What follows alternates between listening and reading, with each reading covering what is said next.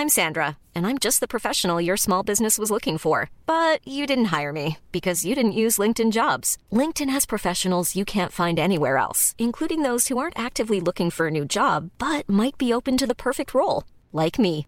In a given month, over 70% of LinkedIn users don't visit other leading job sites. So if you're not looking on LinkedIn, you'll miss out on great candidates like Sandra. Start hiring professionals like a professional. Post your free job on linkedin.com/people today. Hey, it's Ryan Reynolds, and I'm here with Keith, co star of my upcoming film, If, only in theaters, May 17th. Do you want to tell people the big news?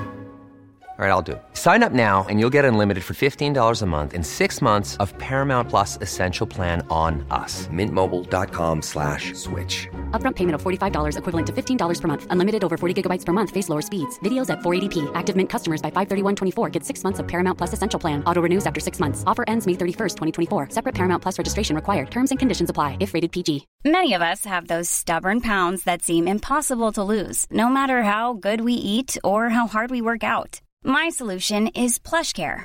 PlushCare is a leading telehealth provider with doctors who are there for you day and night to partner with you in your weight loss journey. They can prescribe FDA-approved weight loss medications like Wagovi and Zepbound for those who qualify. Plus, they accept most insurance plans. To get started, visit plushcare.com slash weight loss. That's plushcare.com slash weight loss.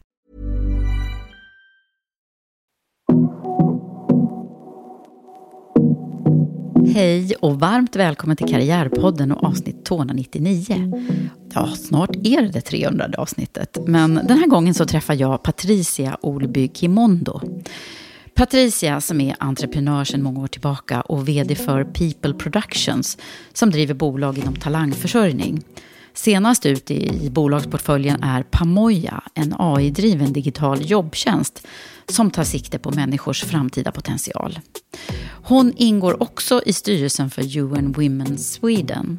Och Patricia är en mycket aktiv samhällsdebattör, framför allt i frågan om jämställdhet i näringslivet.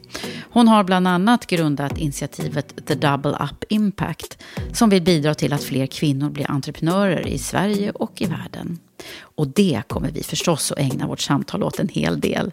Och hur är det möjligt att endast 1% av riskkapitalet går till kvinnor och vad ska vi göra åt det? Allt detta och mycket mer delar Patricia med sig av i det här avsnittet.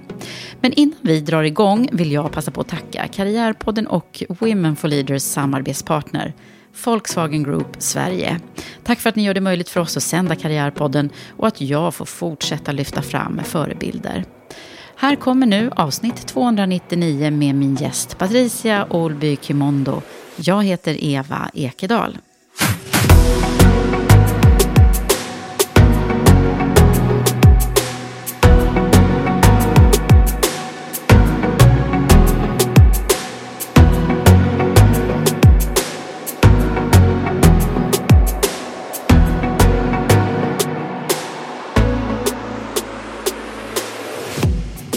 Patricia Olby Kimondo. Jajamensan. Nu sa jag rätt. Ja, helt rätt. Välkommen till Karriärpodden. Tusen tack Eva. Det, det, det har bubblat lite i rummet här redan innan mickarna Mm. är igång. Ja, det blir så när man pratar med dig. Ja, eller med dig, tänker Ja, jag. ja, kanske så. Och det är lite annorlunda för dig ändå att sitta här. Ja, jag brukar ofta vara på andra sidan. Ja, det brukar I alla fall från början. Från början, eftersom vi, vi har konstaterat att en, en stor gemensam nämnare, det finns många tror jag, så att det är frågan om hur vi ska begränsa det här avsnittet till en timme. Men, eh, nej, men det är ju rekryteringsbakgrunden som, som ju, och att vi bygger bolag inom den sektorn, fast på helt olika plan. Ja, men precis. Eh, det är en gemensam nämnare. Mm. Sen tror jag att vi har några grejer som vi automatiskt kommer att komma in på när vi börjar prata. Ja, Vad tror du? Ja, men precis. Ja, det är jag ganska säker på. Men det blir himla spännande att upptäcka längs med vägen. Ja. Och sen har jag sagt så här, "Ja, du pratar så mycket och så fort, hur ska vi göra? Ja, vi får Ja. hjälpas åt. Ja. Du har ju lovat att guida mig lite grann på vägen Ja. här, så jag, jag ska försöka eh, sköta mig i Ja, samtalet. det tror jag säkert. Och, Ja. Men Patricia, du är, så, du är ju så duktig på att prata och om de här viktiga frågorna som handlar om jämställdhet och, och om entreprenörskap och, och så. Men nu tänkte jag att vi också skulle lära känna liksom kvinnan bakom det här, som är den här rösten som debatterar i Dagens Industri ibland och i olika paneler och andra sammanhang. Mm. Mm. Det är du inte så van vid. Nej, nej men precis. Nej, men det, vi får se då vad som, vad som kommer fram. Ja. Eh, för du har ju rätt i det. Oftast så är det ju kanske jag som tar tag i en fråga. Eh, och det handlar inte så mycket om mig, utan det handlar om själva sakfrågan. Frågorna som jag är intresserad av, eller som jag jobbar med, eller som, ja, men som på olika sätt är på näthinnan just mm. nu. Mm. Och jag har ju mött dig då i de här forumen några gånger så här, och sett dig. Och, och framförallt har både Shanna och jag i Women for Leaders hejat väldigt mycket på dig när det gäller de här väldigt välskrivna eh, debattartiklarna som du har levererat i Dagens Industri. Ja, men tack snälla. Och jag måste säga det också, eh, det ju, vi delar ju det här engagemanget, uppfattar jag. Eh, så det är verkligen en sån här fråga, it takes a village, och, och, och vi är många som gör väldigt olika saker. Mm. Eh, men kanske att jag har använt just skrivandet och ibland talandet som mm. ett sätt att driva på de här frågorna. Ja. Och då eh. kommer vi liksom till dina skills direkt mm. här, känner jag. Ja. Eller hur? hur? Hur, om vi liksom eh, backar bandet rejält och hittar en, en yngre version av dig, mm. vad, kanske i skolan själv? Ja. Vad, eh, vad, vad, var det för tjej vi hittade då? Ja, men det där är en bra fråga. För jag, du ställde lite såna här väldigt öppna frågor innan här, saker att reflektera lite grann över. Men en sak som faktiskt dök upp i min minnesbank, det var kanske i sexan någon gång, kan ha varit 11, 12. Och då vet jag att under ett eh, eh, sån här föräldra, eller ett ja, utvecklingssamtal som man hade i skolan, mm.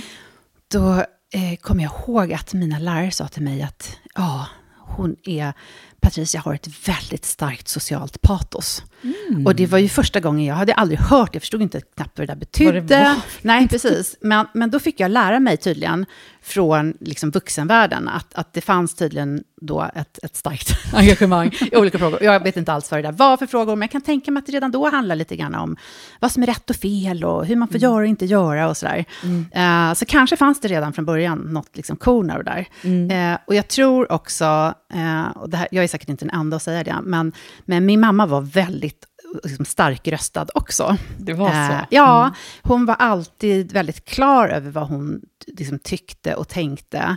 Eh, och jag tror att det, det måste ha format väldigt mycket hur jag lärde mig att man kunde resonera om saker och ting, och hur man kunde prata, och att man fick prata. Mm. Framförallt, att man fick ha en åsikt. Vem var din mamma då, måste vi nästan börja med. Ja, eh, min mamma, eh, alltså, man börjar från början, mina föräldrar invandrade till Sverige i slutet på 60-talet, mm. som så många eh, gjorde på den tiden. Från? Eh, min pappa kom från Kenya, mm. en lång resa. Eh, han, eh, om vi börjar där, så mm, Kenya befann sig ju under en, var ju en, en brittisk koloni och sen under 60-talet så handlade det väldigt mycket om en frigörelseprocess från, från det här brittiska kolonialstyret. Och min farfar som då var en relativt sett liksom en välbeställd eh, man, för att han hade liksom, tillgångar i mark och sådär. Eh, han fick lämna ifrån sig det mesta till britterna, mm. men hade ändå möjlighet att skicka iväg min pappa som var äldsta sonen för att studera i Europa. Och okay. på den vägen var det. Sen kom han till slut till Sverige och pluggade, pluggade ekonomi och eh, träffade min mamma. Mm. Eh, och min mamma kom från Åland. Ah, jag visste att det var någon koppling ja, till Finland. Precis, okay. så hon, eh, och det var samma sak. Min morfar som då var en, på den tiden, väldigt berest person. Han hade liksom fått möjlighet att, han, han, min släkt på den sidan, så jobbade man som sjökaptener. Mm. Vilket ju var väldigt spännande, för då fick man ett globalt världsperspektiv i en tid där det var ganska ovanligt. Mm. Uh, så mycket intryck. Så han hade bestämt sig för att min mamma, hon skulle inte fastna på den här lilla skärgårdsön där släkten kommer ifrån, utan hon skulle ut i världen. Mm. Eh, och, men på den tiden så, så bestyrde man ju vad, vad, kvinnor skulle göra, så han rekommenderade att hon skulle jobba med barn. Och så blev det. Mm. Och det var inte precis det som hon ville. Hon ville hellre jobba med djur, vet jag att hon berättade, att hon hade gärna velat bli veterinär. Men okay. jag tror ändå att hon upplevde att det blev väldigt bra när hon liksom, eh, som hamnade i det här sammanhanget. Och, och sen jobbade hon som förskollärare. Men bestämde sig efter ett antal år att nej, jag det här kan jag göra bättre. Så hon blev en av de allra första i Sverige att starta en fri förskola.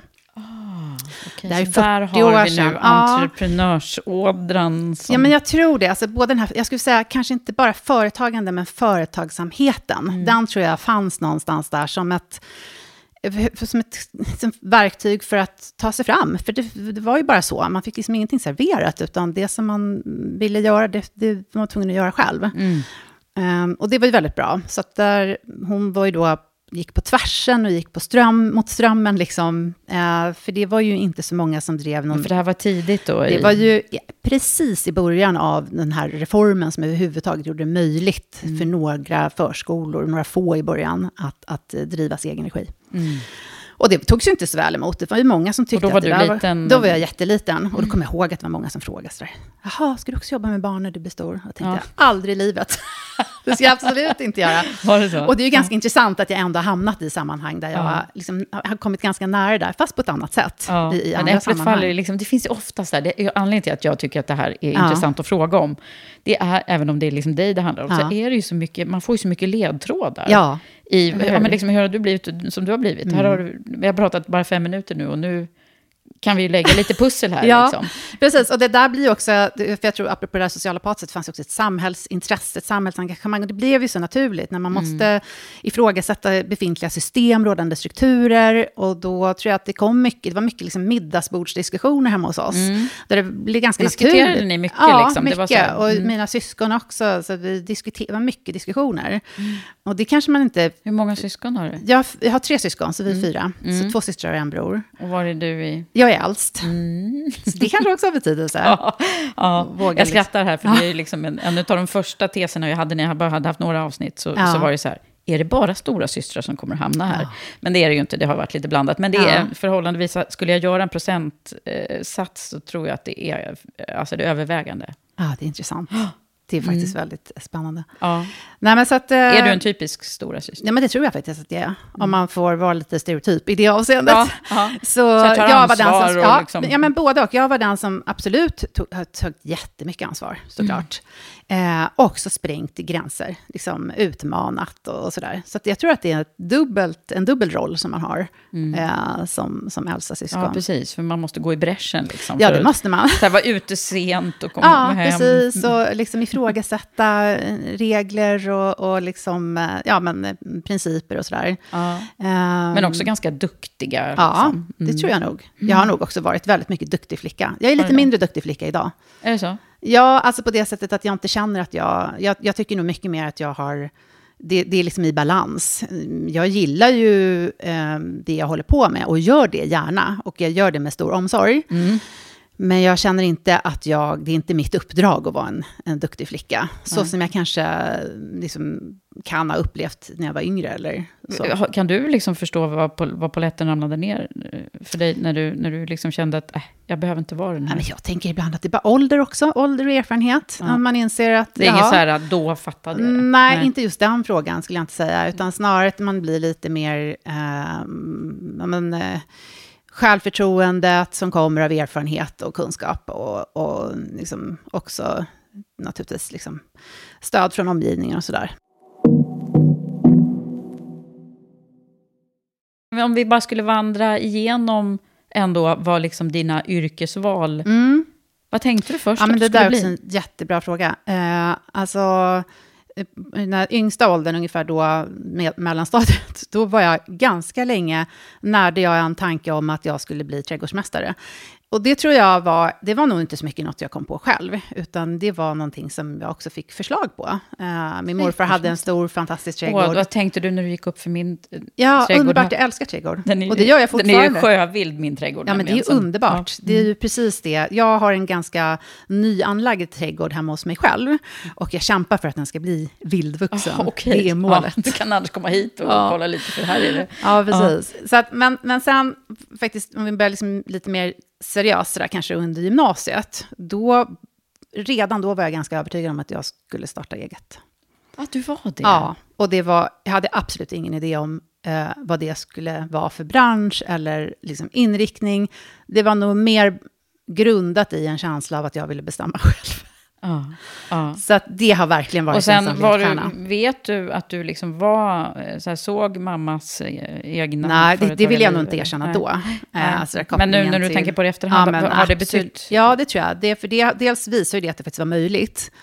Så jag tror sådana här väldigt subtila, undermedvetna insikter som man får, eller liksom ledtrådar som du uttryckte det, mm. eh, var, att man faktiskt kan. Uh, och jag tyckte hon var så otroligt tuff och modig, som vågade gå emot strömmen. Hennes, hon hade ju kollegor som hon hade jobbat nära med och länge, som liksom plötsligt ifrågasatte. Uh, uppfattades lite grann som ett svek att lämna den kommunala, trygga mm. förskolan mm. och ha liksom, mage att gå ut och tro att man kan göra något på egen hand. Men hon hade en, en senior äldre kollega, som, de gjorde det här tillsammans, som var så otroligt stöttande och uh, de var ett sånt radarpar. Mm. Och sen så ja, gick den kvinnan i pension och så kom det liksom nya personer in. Och då, då såg jag så det där är ju, det som, man, det som man ser på ytan är inte alltid hela svaret. Mm. Utan det finns liksom, man måste våga också söka de där kontakterna och möjligheterna för att upptäcka de här nya möjligheterna. Mm. Precis, men vad tänkte du att du skulle bygga bolag inom för bransch? Ja, ingen bransch alls, utan jag ville bara starta eget. Det var bara liksom en sån där känsla av att det, det vore nog härligt att få bestämma själv. Och sen kunde liksom temana variera. Och sen var det där en ganska lös idé, skulle jag säga, eh, ett par år. Eh, tills att jag, jag ska säga det, för då hade jag bestämt mig också för att jag skulle plugga. Och då ville jag eh, läsa, jag kommer ihåg att jag ville läsa litteraturvetenskap. Och det kan man kanske fundera över, så här, var kom det ifrån? Men jag, lite som du varit inne på redan, så, så alltid gillat att läsa, skriva, och jag tänkte att det var liksom en väg in kanske till journalistyrket. Det var det du var bra på också. Ja, precis. Mm. Det kändes, det låg nära till hands. Men då var det, det var 5 och 0 med den gamla betygsskalan. Det var 5 och 0 in, in, in, um, ja, in, intagning då. Mm. Uh, och jag hade inte riktigt så höga betyg, så jag tänkte så här, men jag tar en liten paus, ett, en termin, och sen så, så söker jag igen. Mm. Men då, då blev det ett sånt där skifte i mitt liv. För då mm. hamnade jag nämligen på, då jobbade jag på Manpower, så fick jag ett uppdrag. Jobbade du på Manpower? Ja, då jobbade jag på Manpower. Det gjorde ju jag med. Gjorde du det? Vilket år var det här? Ja, men det här var... kollegor. När kan det här ha varit? Början på 20... Nej, nej äh, början på 90... Slutet på 90-talet. Slutet på 90-talet, 97 ja. kanske. Ja, men. 96, 97. Då har vi bara jobbat där samtidigt. Nej, ser, eh, 97 slutade jag. Ja, men då måste du nog ha jobbat där. När vi kanske möttes där. i Kanske möttes dörren. någonstans. Hur som helst, jag ja. fick ett uppdrag på ett stort amerikanskt it-företag. Och det ena ledde till det andra. För att då i samma veva, så det här var ju liksom i den förra dotcom-boomen. Mm.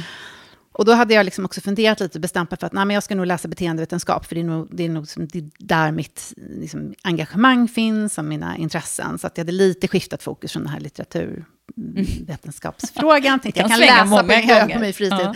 Mm. Um, och och tänkte att det här är spännande. Jag hade väl förstått att det fanns liksom funktioner som rekrytering och liksom, HR och sådär. Jag tyckte att det här är spännande. Det handlar om människor, det handlar om beteende, det handlar om hur, hur vi agerar och sådär. Uh, och då, ibland undrar jag om det liksom, kanske står i stjärnorna, men mm.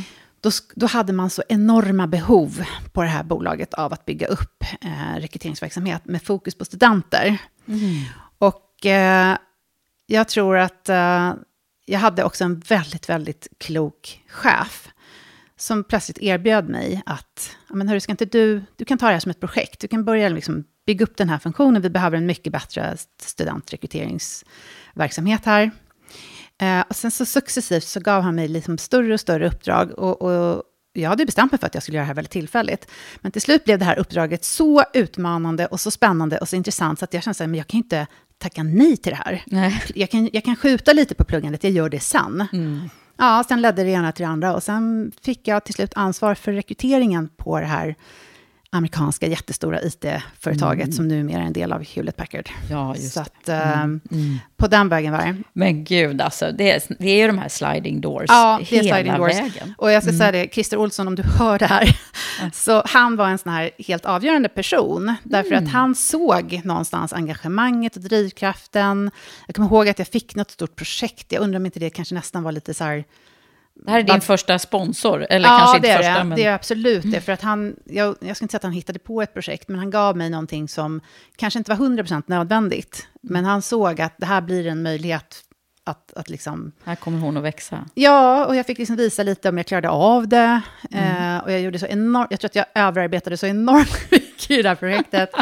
Men det var bra, för att då fick jag också självförtroendet att, Ja. att gå vidare. Men sen... Att det går att bygga. Ja, liksom. precis. Jag fick otroligt mycket stöttning av, eh, bo, jag hade två chefer, båda män. De var otroligt generösa och peppande och stöttande och hade framförallt väldigt höga förväntningar. Vad var det som hände i dig, tror du, när du liksom fick den här känslan? Ja, jag levererade på deras förväntningar. ja. Det var egentligen det tror jag som hände.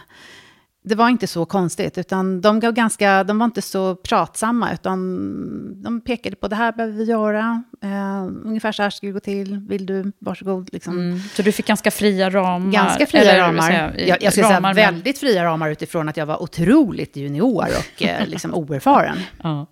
Och du kastade dig ut Ja, på och det det här. gjorde jag. Eh, och det var säkert inte alltid liksom, precis vad de hade tänkt sig. Men, men det blev väldigt bra. Eh, och eh, jag lärde mig otroligt mycket. Men sen, så parallellt med det här så, mm, min lilla syster som då hade läst till lärare, Eh, och, och utifrån liksom, diskussionen Ja. som vi hade hemma. Hon kom hem, hade pluggat utomlands, jobbat utomlands, var otroligt, liksom, hade en väldigt liksom, fina meriter med sig. Men det här var då i, i slutet på eh, 90-talet, liksom, millennieskiftet där. Och då lite grann... Så, så det som hände var att hon och hennes studiekamrater upptäckte jag, som jag hade jobbat liksom med, med intensiv rekrytering i stor skala, det var liksom tusentals personer per år som vi skulle anställa mm, upptäckte att hon och hennes kollegor hade svårt att få jobb. Och det var trots att lärarbristen var lika mycket ett debattämne då som, som den Som har varit nu. de senaste åren. Ja. Ja. Och då tänkte jag att det är någonting här som inte stämmer. Så började vi liksom djupare där och forska vidare och upptäckte att men det hade mycket av liksom förändringar och reformer i skolan som hade handlat om att skolan förr i tiden var en statlig angelägenhet. Och sen hade, så drev vi igenom kommunaliseringen. Och plötsligt så ramlade ju allt ansvar för skolan ner på 290 kommuner i Sverige. Och på rektorerna i de här 290 kommunerna, som plötsligt då skulle ha hand om ekonomi och administration och, och personal och eh, allt det här ovanpå det pedagogiska uppdraget att driva verksamheten. Och det blev ju oerhört arbetsamt. Så att personalen, som är en väldigt strategiskt viktig fråga, där fanns det inte alltid tid, resurser, kunskap heller att hantera den stora viktiga frågan. Eh, och, och ja, så också lite grann ett Så i samtal med din syster här Ja, så föddes sliding det... doors, liksom inspirationen där, vi hade sett hur mamma hade gjort. Eh, och jag, jag var ju då så pass ung och naiv så att jag tänkte att men det här kan jag fixa. Jag kan ordna det här. Jag, jag vet hur man rekryterar väldigt mycket personal och eh, på ett svårt område. Eh, så Men det att- var ju ingen då, vad jag förstår, som hade riktat in sig på, på var lärar... ingen. Nej, du var vilket, man, först. vilket man borde kanske ha funderat lite grann Varför var över. det ingen? Ja, precis. Varför är ingen här? Eh, men, men, Men vi kanske ska säga det också, att Mm. rekryteringsbranschen är ju ändå liksom en, det är en ny bransch. det är en väldigt ny bransch. Eh, eller ja, ny och nu, nu är du och jag ändå ganska erfarna, men, men ändå, då var den ju väldigt, alltså det var, hände saker hela tiden. Ja, men det den veta, fanns ju liksom vår innan. bransch, alltså jag tänker kompetensföretag som jobbar med rekrytering och, Mm. och bemanning och, och, och karriär och, så vidare, ha- har ju bara funnits i 30 år. Ja. Och jag konstaterar, för branschen firar ju jubileum här om veckan, och jag sa, men gud, vi har ju varit med i 25 av de här 30 Mm. ja, åren. Ja, men vi har verkligen varit med under en, en och sen också med liksom den tekniska utvecklingen under den här perioden. Ja, det har hänt otroligt när jag mycket. berättar liksom att jag satt med telefonkatalogen och letade Det var ju det folk, man gjorde. Liksom, när jag började med, med headhunting Mm. eh, lite senare sen då efter Manpower. Alltså det är ju så här, det fanns ju inte ens en gång en, det, det var ju ingen databas direkt som man Nej. liksom sökte i. Nej, allting var väldigt manuellt. Mm. Och eh, jag gjorde i alla fall den här resan och det var ganska segt i början. Det, var- intresset från lärare var ju enormt, för det var första gången som någon riktade ett intresse mot dem som yrkespersoner, uppfattade vi. Eh, men det var ju svårt att förklara för liksom, skolor, varför kostar det här pengar? Vad är det vi får för pengarna? Så det var väldigt lärorikt att förklara att men vi säljer en tjänst, den tjänsten innebär att du får hjälp med rekrytering och sen senare också mm. personalinhyrning. Du fick liksom användning av din den här argumentation och Ja, sociala... jag fick nog träna den tror jag, väldigt Ja. mycket under många år. Ehm, Precis, och det är ju som du säger, det var ju en väldigt ny bransch och det tänkte man inte på då, men jag har reflekterat mycket över det idag. Att alltså, det var ju förbjudet att driva arbetsförmedling, bemanningsföretag i Sverige före 1993. Mm, förbjudet. Mm.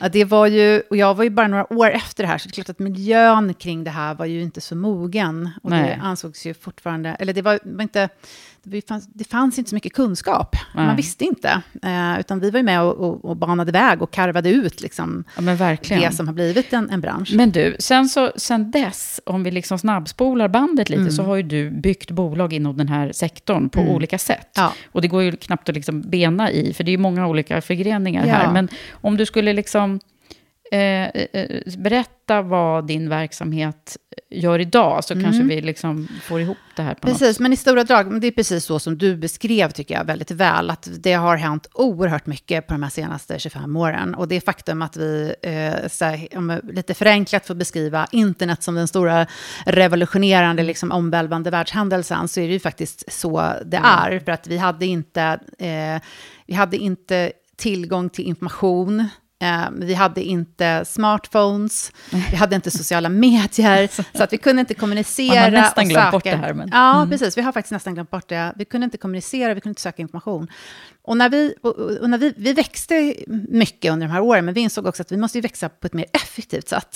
Så det var egentligen så det också började, att dels förändrades kundernas behov. Det var inte bara liksom, eh, liksom, behov av rekrytering och, och liksom kvalificerade tjänster, utan väldigt mycket mer så, så växte behovet av bra personal på kort varsel. Och då insåg vi att så, här, ah, men här måste vi jobba mycket mer effektivt. Och, och vi såg, det här är också ganska konstigt kan jag tycka ibland. Ehm, vi lanserade vår första app 2011. Och, och, och jag, Det jag- var väldigt jag, tidigt. Ja, och jag brukar tänka tillbaka på det. Så vi hade någonstans en känsla av att det här måste vi göra. Det var inte alltid så att vi förstod precis varför vi var tvungna att göra det. Och, och jag menar, ehm, vi visste väl inte vad, vad visste man vad en app var då? Alltså, det är ju inte, vi hade ju inte den kunskapen som vi har idag. Nej. Men någonstans så kände vi ändå, vi förstod någonstans, det här är vi måste följa med, vi måste göra det. Och det var en ganska enkel app, men man kunde göra vissa grundläggande saker, tidrapportera, man kunde administrera en del saker som, som anställd. Men det blev sen en, ett, ett sätt att tänka, att vi byggde in tekniken i vårt sätt att jobba. Och sen så är det ju uppenbart för alla att man kan inte driva, det går inte att driva företag idag om man inte också har ett digitalt eller tekniskt perspektiv. Men det som är så intressant är hur vi har, tycker jag då, då har vi använt data, ehm, alltså, som vi har samlat på oss, kunskap och insikter och erfarenheter. Och så har vi lagt ihop det med teknik. Och utifrån det har vi byggt eh, en, liksom, ny- nya bolag, ett ny- nytt, nytt ehm, erbjudande. Och det som idag heter Pamoja. Just det. Eh, där vi, det fokus är väldigt enkelt beskrivet. Eh, att göra det enklare för människor att hitta bra jobb, för den som vill jobba fritt och flexibelt, och att göra det enklare för företag som har behov av personal på kort varsel. Så de ska att liksom hitta, talanger. varandra där inne. Och där har vi, använder vi tekniken, men vi, har, vi bottnar ju i vår, tycker jag ändå då, långa erfarenhet av att ta ansvar för personal. För det är det jag tycker branschen gör väldigt väl. Vi har utvecklat liksom, fungerande eh, liksom, arbetssätt kring att ha, ha hand om personal. Ja. Ehm, och idag finns det ju jättestora utmaningar på arbetsmarknaden som handlar om integration och matchning. Och, ehm, en sak som vi ser väldigt tydligt är att det behövs jättemycket mer stöd och support. eh, för alla människor, inte bara den som är ung, utan även den som är äldre och vill byta spår eh, och vill göra någonting annat. Så att i Pamoja så levererar vi bra personal, på kort varsel och för den som jobbar så handlar det om att få styra över sitt liv. Så tekniken och appen gör det möjligt att själv bestämma när jag vill jobba. Jag kan boka av och på mig som jag vill. Jag kan kombinera mitt jobb på Pamoja med att göra andra saker. Och det gör väldigt många. Mm. Så det här är verkligen framtidens Ja, arbetsliv som ligger i, i Ja, i precis. För vi pratar ju jättemycket om att eh, ja, men du och jag kan jobba med datorn i knät och lite var som helst. Men de förväntningarna finns även hos de, den personal som jobbar i skola och vård och restaurang och butik och så vidare. Att, att också få Så det är inte bara skola Nej, då? det är inte Nej. bara skola, utan nu tittar vi mycket bredare på ehm, hur kan vi hjälpa till att leverera bra jobb på ett smidigt, tryggt, lite roligare sätt eh, och jobba med, med, med tekniken som, som ett smörjmedel. Och Men du, det har alltså blivit, den, det, Pamoja är ju ganska ny, Ja. ny så, så innan var det People Production då, eller det man kan hette säga, i annat? Lärarförmedlarna heter vårt första bolag. Och sen så hade vi ett annat namn och sen så hade jag utvecklas, alltså med, med den digitala plattformen, som vi då lanserade precis före pandemin i februari 2020. Så att det har ju varit ganska tuffa år Ja, verkligen. eh, sedan dess. Men om man skulle titta på din liksom resa som bolagsbyggare här nu, Mm. för det tycker jag ju är så intressant. Och det, att jag, tycker, jag bjuder hit gäster som jag själv liksom behöver lära mig av och vi kan utbyta erfarenheter. För jag är ju också där. nu. Ja, men det är bra att reflektera ibland och titta i backspegeln. Ja, men lite, gör man visst är det det? Nej, Ja. man gör ju sällan det. Men eh, då, då tänker jag så här, hur, hur gick det till? Var du helt själv från början? Eller? Eh, här, om jag går allra, allra första början, då var det jag, min eh, lilla syster och hennes studiekamrat. De upptäckte sen ganska snart att nah, men det är inte, liksom, vi vill nog ändå ha foten kvar i skolan. Så att de lämnade, och då blev jag själv. Och sen jobbade jag själv. Hur var det då? Eh, nej, men det var ingen fara. Det var, det var naturligt, för att vi, vi hade liksom mycket utbyte av varandra och vi kunde ändå, jag, jag fick så otroligt mycket värdefulla lärdomar och insikter och kunskaper av dem ändå. Men eh, jag kände att... Men de eh, var ändå med och kickstartade det Ja, tillsammans med dig? vi såg ju möjligheten. Ja. Eh, Sen valde de inte entreprenörsspåret. Nej, Eh, men det gjorde du. Ja, precis. Mm. Ehm, och det är svårt att svara på exakt. Liksom. Men jag hade ju redan tänkt den tanken. Ja. Och de kanske kom på sen att nej, men det var inte riktigt. Nej. Inte nu i alla fall. Nej, och du hade ju redan varit in och nosat i näringslivet. Ja, liksom. precis. Det här är ju liksom en kombo på något sätt. Ja, det tror Mm. jag. Ehm, Men vad hände sen då? För det här är ju ett stort bolag nu. mm. Ja, men sen så, och sen så jobbade jag på eh, några år, hade några anställda. Men sen så eh, kom min man kom in i bilden också Mm, ganska kommer tidigt. mannen. Ja, och då hade vi jobbat i samma bransch. Han hade jobbat med lite andra saker, eh, min man Kalle. Han var ju också, apropå så sliding doors, han var ju den största supporten. Och det är ju väldigt viktigt eh, förstås. För jag tror att hade han inte varit en, en supporter så hade ju inte det här gått i lås. Men dels så hade han annan kunskap, och vi jobbar ju fortfarande i bolaget tillsammans, men gör helt olika saker. Och jag tror att det har varit ett, det är verkligen ett vinnande koncept. Eh, där, vi kompletterar varandra. Jag är visionären, jag är den som målar ut Ja. framtiden, men han är extremt duktig på genomförande. Och det är viktigt liksom, för ett företags överlevnad. Alltså en, en, idé i all ära, men, men mycket handlar ju om att planera och genomföra. Mm. Och det här var liksom tydligt att, det, att ni hade de här olika Ja, kompletterande. det tror jag vi såg ganska tidigt, att här finns det Mm. Men goda började ni förutsättningar. jobba ihop innan ni blev ett par, eller var det tvärtom? Nej, vi hade varit ett par i fem år. Okej. Eh, Men det var ju ändå ganska modigt. Ja. Det var ju före barn och sådär. Ja. Mm. Ja, hur är det då att jobba ihop med sin man? Ja, men det är ju fantastiskt. Jag får ofta den frågan. Ja, jag, vet, Mm. men nu, nu ställde jag den. Ja. Jag kan Precis, ja, men jag får den frågan. Jag förstår att man ställer den frågan, för det är ju eh, det är klart att det finns en nyfikenhet kring det. Jag brukar börja med att svara att eh, visste du att de allra flesta företag i Sverige och världen är ändå familjeföretag? Mm. Man brukar räkna någonstans mellan hälften och 75 procent av alla företag. Mm. Sen har ju de väldigt många olika konstellationer. Det är inte alltid gifta par, utan det kan ju finnas många andra Ja. varianter. Mm. Men jag ska säga att eftersom vi ehm, har drivit bolag samtidigt som, som, eh, som jag har vuxit upp, höll jag på att säga. alltså, där man också har skaffat familj och barn och livet, man har ju levt livet också parallellt, Mm. eh, så har ju det varit ett sånt otroligt stöd. Så till exempel när vi fick barn, då hade, slapp vi ha diskussioner om vems tid är viktigast och, Ja, och, och sådär, utan det blir mer av en praktisk fråga. Hur löser jag, vi det här? ska, jag tar det här mötet som, som jag är bättre på, då får du vara hemma. Och Ja, så- precis. Och så, så tycker jag att det är fortfarande. Alltså, d- där har vi sällan några tjafs. Alltså, det, ibland kan vi ha två fulla agendor och då får man ju liksom verkligen liksom vara, vara noga med vad, vad är viktigast här. Men det är ju otroligt skönt att vara två om företagets bästa. Mm. Och nu ska jag säga att vi inte bara två, för vi har ett fantastiskt ledningsteam och en fantastisk organisation.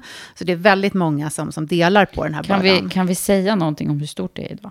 Ja, men vi, eh, om man tittar på den interna organisationen så är vi ju 30-talet personer som har ansvar för 2000 eh, personer som är ute och jobbar hos våra kunder. Mm. Så det är en ganska liten organisation för en, Men en de stor... omsätter väldigt mycket om man tittar på totalen då. Ja, precis. Och vi omsätter, vi siktar väl på 150 miljoner nu. Så att, Det, är, Ja. det är svindlande liksom. Ja, men det, det är... ehm, Och som sagt, nu har det ju varit liksom tuffa år under pandemin, men, men vi är väldigt glada över att saker och ting börjar liksom vara lite mer normala, även om det också är en, en ganska bister lågkonjunktur och, och så. Men, men, men det är vad det är. Och det har man ju, fördelen är ju att... eh, efter så här många år så vet vi att saker och ting går upp och ner. Man, Mm. man måste liksom hålla blicken väldigt högt upp och långt bort och verkligen liksom, eh, använda varandras kompetenser och Mm. Ja, men förmågor verkligen. för att ta sig igen. Och vi, nu kommer vi till den här frågan men jag, eh, om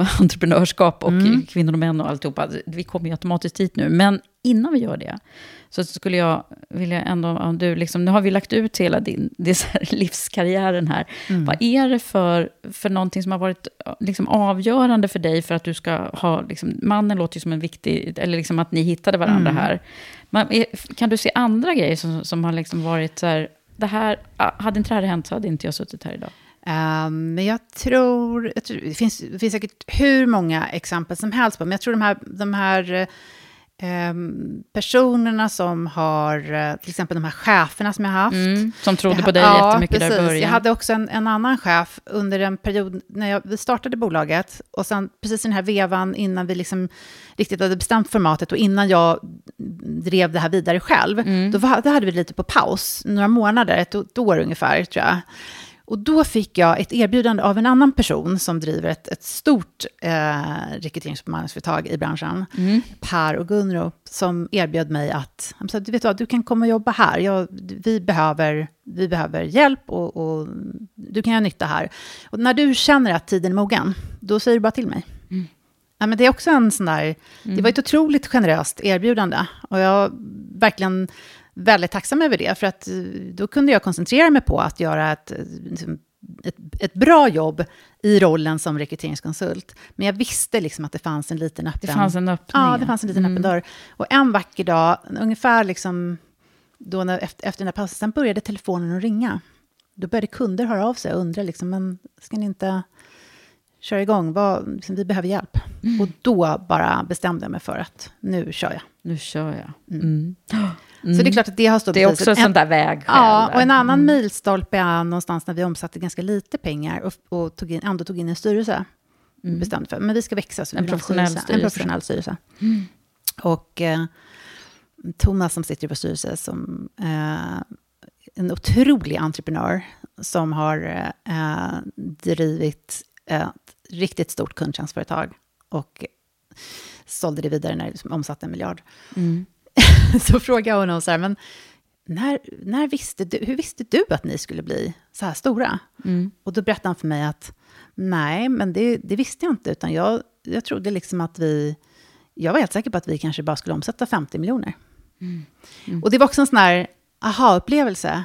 Att man Aha. behöver inte liksom... Ja, och att, att man, det, det sitter i huvudet. Alltså begränsningar och möjligheter ju väldigt mycket saker som sitter i huvudet. Och att istället då för att tänka att, ja men, liksom, han, det var inte tydligt för honom heller, att, att, att han skulle sluta på en miljard. Och, och så är det ju, man måste ju se att bolagsbyggande är en resa i många steg och många faser. Ehm, idag är det mycket enklare för mig att se att vi kan bli riktigt stora. Ja. Men det visste jag ju inte då. Ehm, och sen är det ju att man förstår hur själva byggandet går till. Att, jag brukar likna det vid en trappa. Att det är liksom inte någon, det är inte, en, det är inte bara en, sån här, en spikrak liksom, linje uppåt, utan det är väldigt mycket trappsteg. En del av de här trappstegen kan vara ganska höga och jobbiga och svåra att ta sig igenom. Och apropå mm, liksom, vad som påverkar, att, att bygga ett bolag som jag, som inte, menar, jag var ju ganska ensam ändå, Ehm, så jag har alltid haft bra personer runt omkring mig, men det är ju väldigt mycket slit. Och om man vill växa så är det ju dubbelt slit. Därför att man också hela tiden måste göra saker som man inte kan. Man, har ju, man har hela tiden för lite kunskap. Jag brukar säga det till våra team också. Att mm, vi måste se det. Vi är på en resa, men det innebär, och det är fantastiskt, för vi kan bestämma vart vi vill ta vägen. Men vi måste förstå vad det innebär att alltid ha lite för lite resurser. Om man inte har tagit in externt kapital, eller om man inte har liksom en kassakista någonstans, då, har man ju, då vill man ju alltid mer än vad man har. Ja. Och det där blir liksom Det där, gud, ett jag, känner, jag sitter bara här och ler, för jag känner igen det där Eller hur? så mycket nu för Ja. oss som är i det där Och jag tror att man måste vänja sig vid det. Man måste bara förlika sig med att ja, nej, men vi kommer aldrig ha tillräckligt mycket av någonting. Tid, pengar, personal. Eh, men men eh, det föder ju i sin tur kreativitet Ja, och lösningar. Så att, eh, det gör ju jag det tror inte det är så verkligen. farligt alltid att ha lite lite, Nej. lite, lite resurser.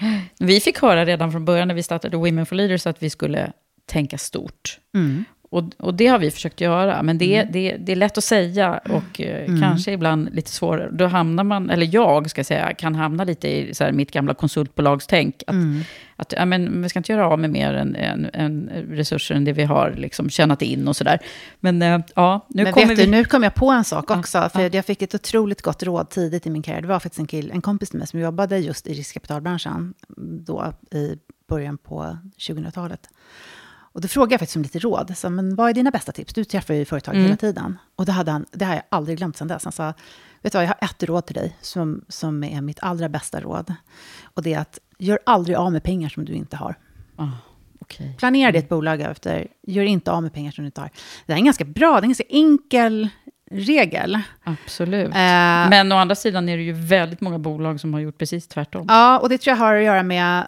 Det är ju en annan kultur. Jag tror han såg, han såg ju tendenserna, för det fanns ju redan då eh, den första vågen av, av liksom riskkapitalfinansierade bolag i den gamla liksom, ja, födelsen av internet.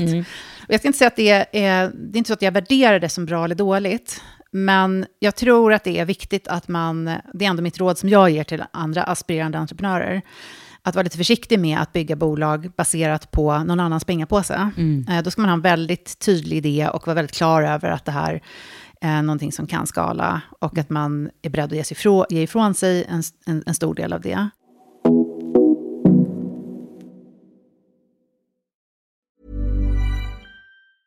Mom deserves the best, and there's no better place to shop for Mother's Day than Whole Foods Market. They're your destination for unbeatable savings, from premium gifts to show-stopping flowers and irresistible desserts. Start by saving 33% with Prime on all body care and candles. Then get a 15-stem bunch of tulips for just $9.99 each with Prime. Round out Mom's menu with festive rosé, irresistible berry chantilly cake, and more special treats. Come celebrate Mother's Day at Whole Foods Market. There's never been a faster or easier way to start your weight loss journey than with PlushCare. PlushCare accepts most insurance plans and gives you online access to board-certified physicians who can prescribe FDA-approved weight loss medications like Wigovi and Zepbound for those who qualify. Take charge of your health and speak with a board-certified physician about a weight loss plan that's right for you. Get started today at plushcare.com slash weight loss. That's plushcare.com slash weight loss. plushcare.com slash weight loss. I'm Sandra, and I'm just the professional your small business was looking for. But you didn't hire me because you didn't use LinkedIn jobs. LinkedIn has professionals you can't find anywhere else, including those who aren't actively looking for a new job but might be open to the perfect role, like me. In a given month, over 70% of LinkedIn users don't visit other leading job sites. So if you're not looking on LinkedIn, you'll miss out on great candidates like Sandra. Start hiring professionals like a professional. Post your free job on linkedin.com/people slash people today. Many of us have those stubborn pounds that seem impossible to lose, no matter how good we eat or how hard we work out. My solution is PlushCare. PlushCare is a leading telehealth provider with doctors who are there for you day and night to partner with you in your weight loss journey. They can prescribe FDA-approved weight loss medications like Wagovi and Zepbound for those who qualify. Plus, they accept most insurance plans. To get started, visit plushcare.com slash weight loss. That's plushcare.com slash weight loss. Hey, it's Ryan Reynolds, and I'm here with Keith, co star of my upcoming film, If, only in theaters, May 17th. Do you want to tell people the big news? All right, I'll do it. Sign up now and you'll get unlimited for $15 a month in six months of Paramount Plus Essential Plan on us. Mintmobile.com slash switch. Upfront payment of $45 equivalent to $15 per month. Unlimited over 40 gigabytes per month. Face lower speeds. Videos at 480p. Active Mint customers by 531.24 get six months of Paramount Plus Essential Plan. Auto renews after six months. Offer ends May 31st, 2024. Separate Paramount Plus registration required. Terms and conditions apply if rated PG. Du har ju samlat på dig och dykt ner i forskningen och samlat mycket fakta kring hur bolagsbyggandet har utvecklats nu med de här riskkapitaliserade, eller riskkapitalfinansierade bolagen som, som ju på något sätt har den här eh, lite skeva tron eh, på, eh, eller tycker jag då, som ju eh, liksom är, har den gammalmodiga synen. I ryggen i alla fall. Ja, men jag tror, jag tror man får, man får se, se det här som... Man kan titta på det med lite olika glasögon. Jag tror i grund och botten att det är väldigt viktigt att man som entreprenör försöker bygga en affärsmodell som är hållbar, som står på egna ben. Eh, och det tror jag också att de senaste årens liksom, lågkonjunktur visar, att det är, det är lättare att eh, överleva du i grund och botten har en sund affär. Mm. Men man ska vara helt klar över att det är klart att med tekniken så har ju fötts helt nya möjligheter. Och möjligheten att skala ett SaaS-bolag till exempel, det handlar ju om att väldigt snabbt bygga ja, men allt ifrån eh, nätverkseffekter, liksom, eh, konkurrera på, på väldigt tuffa villkor på en global marknad ofta. Mm. Och då kan du inte bygga ett bolag i 25 år, utan då kanske du har ett par år på dig Mm. att liksom Man måste skapa dominans liksom på marknaden. ja, man måste gå snabbt fram. Mm. Det tycker jag, det är inte, det ena liksom utesluter inte det andra. Men däremot så tror jag att det jag har reagerat på är snarare synen på entreprenörskap i Mm. Sverige. Och jag tror att det väcktes egentligen, apropå- för du frågade också så här, skift, saker som har påverkat mig Mm. i, i, under den här resan. En jätteviktig sak var att jag bestämde mig också för att utbilda mig mer. För när man har jobbat som entreprenör under många år så är det klart att till slut känner man sig, men var ska jag söka ny energi ifrån? Och även om man har massor med spännande människor runt omkring sig så kände jag så här, men jag måste fylla på.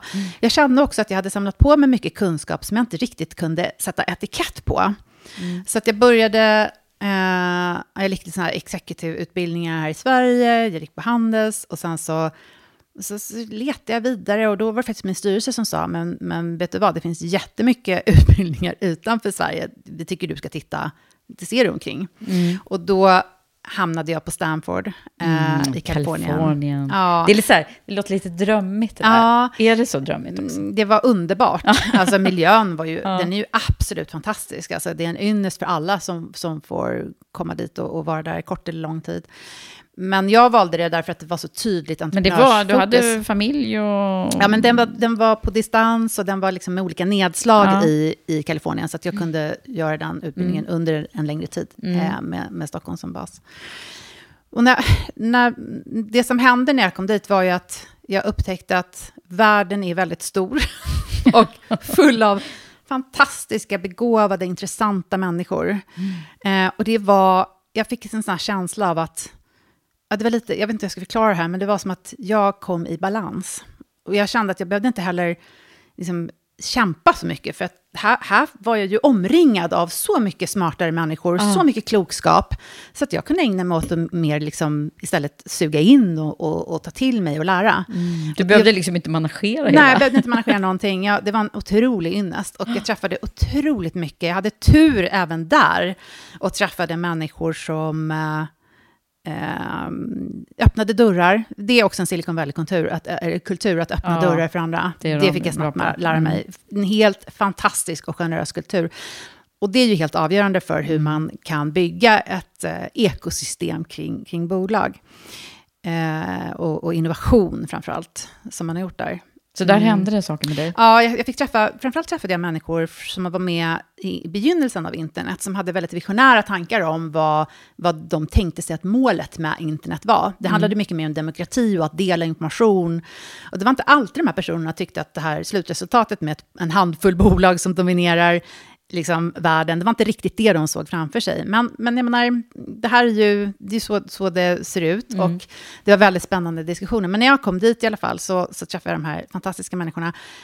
Eh, professorer på Stanford som var liksom hela tiden längst fram på en världsnivå eh, med den senaste forskningen som de delade med oss. Och det där skapade också en känsla av att wow, jag kan alltså ta den här forskningen, försöka använda den och se hur ska jag, hur ska jag bygga någonting i mitt eget bolag.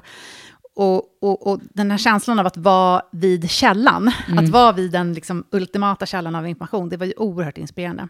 Så Vad tog allt- du med dig hem då? Ja, jag tog med mig väldigt mycket, alltså, framförallt hur man tänker kring innovation och utveckling. Hur man, eller så här, hur man kan lösa problem. Jag fick med mig metoder för problemlösning. Jag tror att det är det som är själva stommen i, i, i hur jag tänker och jobbar idag.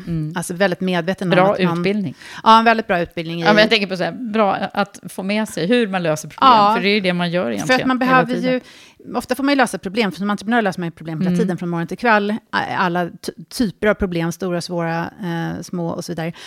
Men här fick man en metod som gå- går att an- använda i all problemlösning. Och det gör att man avlastar sig själv.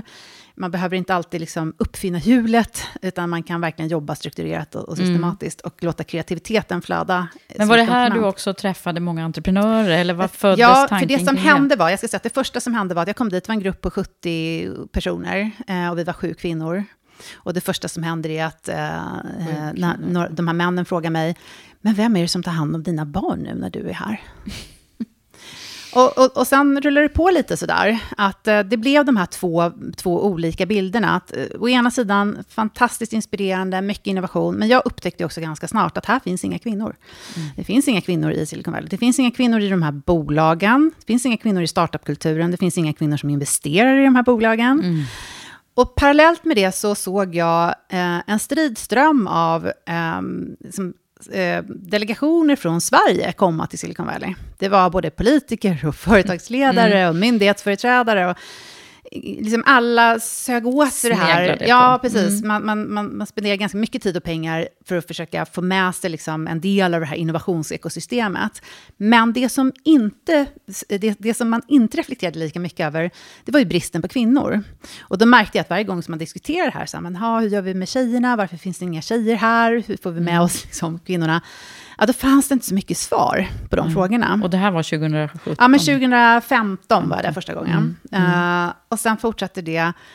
Och sen då, parallellt med att vi själva började titta på men hur ska vi växa och hur, vad finns det för möjligheter och hur vill vi att den här tillväxten ska gå till, så började jag liksom inse att men oj, vad, det här, här, finns det ju väldigt många frågor som saknar svar. Till exempel, hur kommer det sig att eh, alla investeringar går till killars bolag och i princip ingenting går till tjejers bolag? Vad är det för bakomliggande strukturer som gör det? Varför har vi accepterat det? Mm. Kanske det som är den stora frågan. Mm. Varför går vi med på det här? Varför är det ingen av de här näringslivsföreträdarna eller myndighetspersonerna som ifrågasätter det här. Eller, och jag tror att det gjorde man kanske, men det var inte, inte en debatt som har förts i det öppna.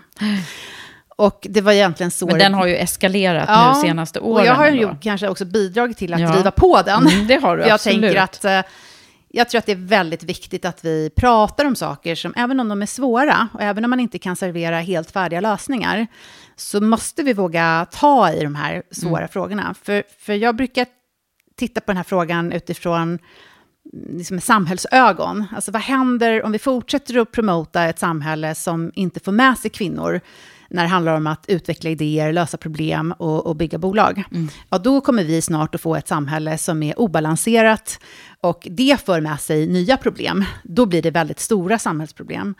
Så att um, jag tror att uh, vi måste ta tag i den här frågan. Och apropå då att bygga bolag så kan man ju se att Eh, det vi har importerat ifrån Silicon Valley, det är inte bara innovation och, och, och utveckling alltså, och, och, spännande tankar och idéer. De ska, vi, de ska vi jobba med, de ska vi behålla. Men vi har faktiskt också importerat en entreprenörskultur som stänger ute kvinnor. Mm, och som är, och gynnar män. Som är liksom baserade på en manlig ja, eh, norm. och det tror jag är liksom grundproblemet. Att vi, när man pratar om eh, till exempel riskkapital, det har investerats 234 miljarder de senaste åtta åren. Och i princip varenda krona har gått till bolag som är grundade av killar eller män. Mm. Och om man tänker sig det i ett samhällsperspektiv, alltså vad får det för konsekvenser? Om vi pratar om det nya näringslivet som startups och techbolag, mm. och så har, vi inte, så har vi ingen plan för hur vi ska få med oss kvinnorna, eller vi ställer inte tillräckligt mycket frågor om varför är inte kvinnorna med här. Mm. Då är det klart att det kommer vi få betala priset för ja. förr eller senare. Det finns ju så mycket forskning som jag vet att du också mm. relaterar till, med, där, där vi liksom ja. ser hur, hur kvinnor och män som söker kapital för, uh, inte bedöms på lika värdiga grunder. Ja, men, och jag tror att det är viktigt att komma ihåg här, så att det finns en, en, en enkel grundinsikt som man måste ha med sig, och det är att det är så, det visar forskningen väldigt tydligt, att när man tittar på entreprenörer och entreprenörskap, då jämför man kvinnor med män inte av någon sorts illvilja, utan Nej. man gör det mm. därför att, precis som du säger, så är män norm. Mäns sätt att göra saker, bete sig på, driva bolag på, mm. det skapar, det är liksom det normala, det är det vi känner, ja, men det är det vi känner till, det är mm. det vi vet. Det är väldigt svårt att röra sig i helt abstrakta utrymmen och försöka komma med förslag till lösningar. Men då går jag tillbaka till den här problemlösningen. Jag tycker att vi ska använda de metoder som finns kring innovation och utveckling och istället jobba väldigt metodiskt och strukturerat med att ta reda på Uh, vad är det vi behöver göra för att lösa det här problemet? Och då jämför jag, du, vi kommer ju ändå båda från rekryteringsbranschen, mm. och jag tänker att här tror jag att vi delar synsättet, för när vi jobbar med rekrytering så gör vi ju precis just det. Vi jobbar väldigt strukturerat, systematiskt och metodiskt och standardiserat, mm. å ena sidan. Och så lägger vi på kreativiteten och nyfikenheten och ställer mycket frågor och försöker få till en matchning. Mm. Och jag tror att man ska lära sig av det här, därför att att leta efter talanger att investera i är inte annorlunda än att leta efter talanger som man anställer till Nej. sina bolag. Så du menar att det är vi som ska bli faktiskt... eh, Ah, Ja, nu har vi lösningen på ja, hela problemet. precis. Jag tror i alla fall att det finns Ja. mycket vi kan bidra med Ja, det tror jag i också. att skapa Mm. eh, en struktur och en systematik här. Och det visar sig också när man tittar till exempel på det statliga svenska riskkapitalet, att det går inte riktigt att förklara hur, hur det går till. Och här har vi en av, av, av liksom kärnfrågorna. För när man tittar på hur man fördelar till exempel riskkapital, så eh, sker det ofta i den så kallade pitch-formatet. Ja. Och, Det- och Och, nu- det här blir ju dessutom liksom tv nu, med Ja, liksom Draknästet. Precis, och, det är Draknästet. Och nu kanske det är många som blir upprörda som lyssnar på det här. Ja, men jag tror ändå att jag ska försöka förklara vad jag menar. Därför att pitchformatet är ju ett stu- inte då just i Draknästet, för där är det relativt öppet. Vi får och för sig inte se allt bakom kulisserna. Mm. Men, men problemet med pitchen är att den är inte en transparent, systematiskt standardiserad metod, utan den är ganska godtycklig. Mm. Den sker, det är lite av en black box. Vi vet inte hur bedömningskriterierna ser ut. Vi vet inte vem som kommer bedöma och på vilka premisser. Och det här visar forskningen är ett ganska dålig metod för att hitta talang. Och det är det som är problemet. Och jag hävdar att det här syns i statistiken. Därför att den nya sanningen i den så att säga, importerade startupkulturen som vi har hämtat från Silicon Valley, eh, har vi ett väldigt stort fokus på att grundarna måste ta extrem risk.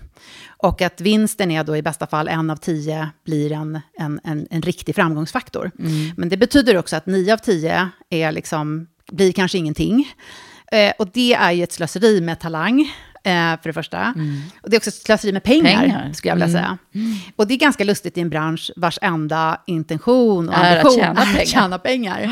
Så jag förstår inte riktigt logiken i det här. Eh, och jag tror att det är väldigt många med mig som Du, inte du gör är ju det. verkligen på det, för att jag tänker på liksom hur vi bedömer i, i rekryteringsförfaranden. Att Mm. det liksom är, och man, att man hela tiden måste rannsaka sig själv så att man inte blir biased. Hela tiden. Eh, för, för det är ju liksom en riskfaktor som även när vi som har jobbat länge med rekrytering behöver Och det hela finns inga tiden jobba garantier med det. Mm. mot det. Man måste jobba mot bias hela tiden. Och det är bra att du nämner bias, för det är ju en sån här, det tycker många är lite knepigt som uttryck. Åh, bias. Det, är inte, det handlar ju inte om att eh, vi är dåliga som människor, utan det handlar just om att vi är människor. Att vi vi är alla har- Mm. mänskliga med magiska förmågor, men också med begränsningar och liksom, eh, eh, ja men du vet, lite flas. Vi, vi, Ja. vi är inte liksom helt perfekta. Och då, då behöver man ha det här som en liten, det behöver sitta liksom på axeln som en liten vakt som hela tiden funderar på, men hur fattar du beslut Mm. här egentligen? Och det är det jag tror att vi har tränats på i rekryteringssammanhang. Vi måste redogöra för hur vi fattar beslut, för vi har alltid en kund eller en uppdragsgivare i andra ändan som vill ha en förklaring Ja, precis. och argument.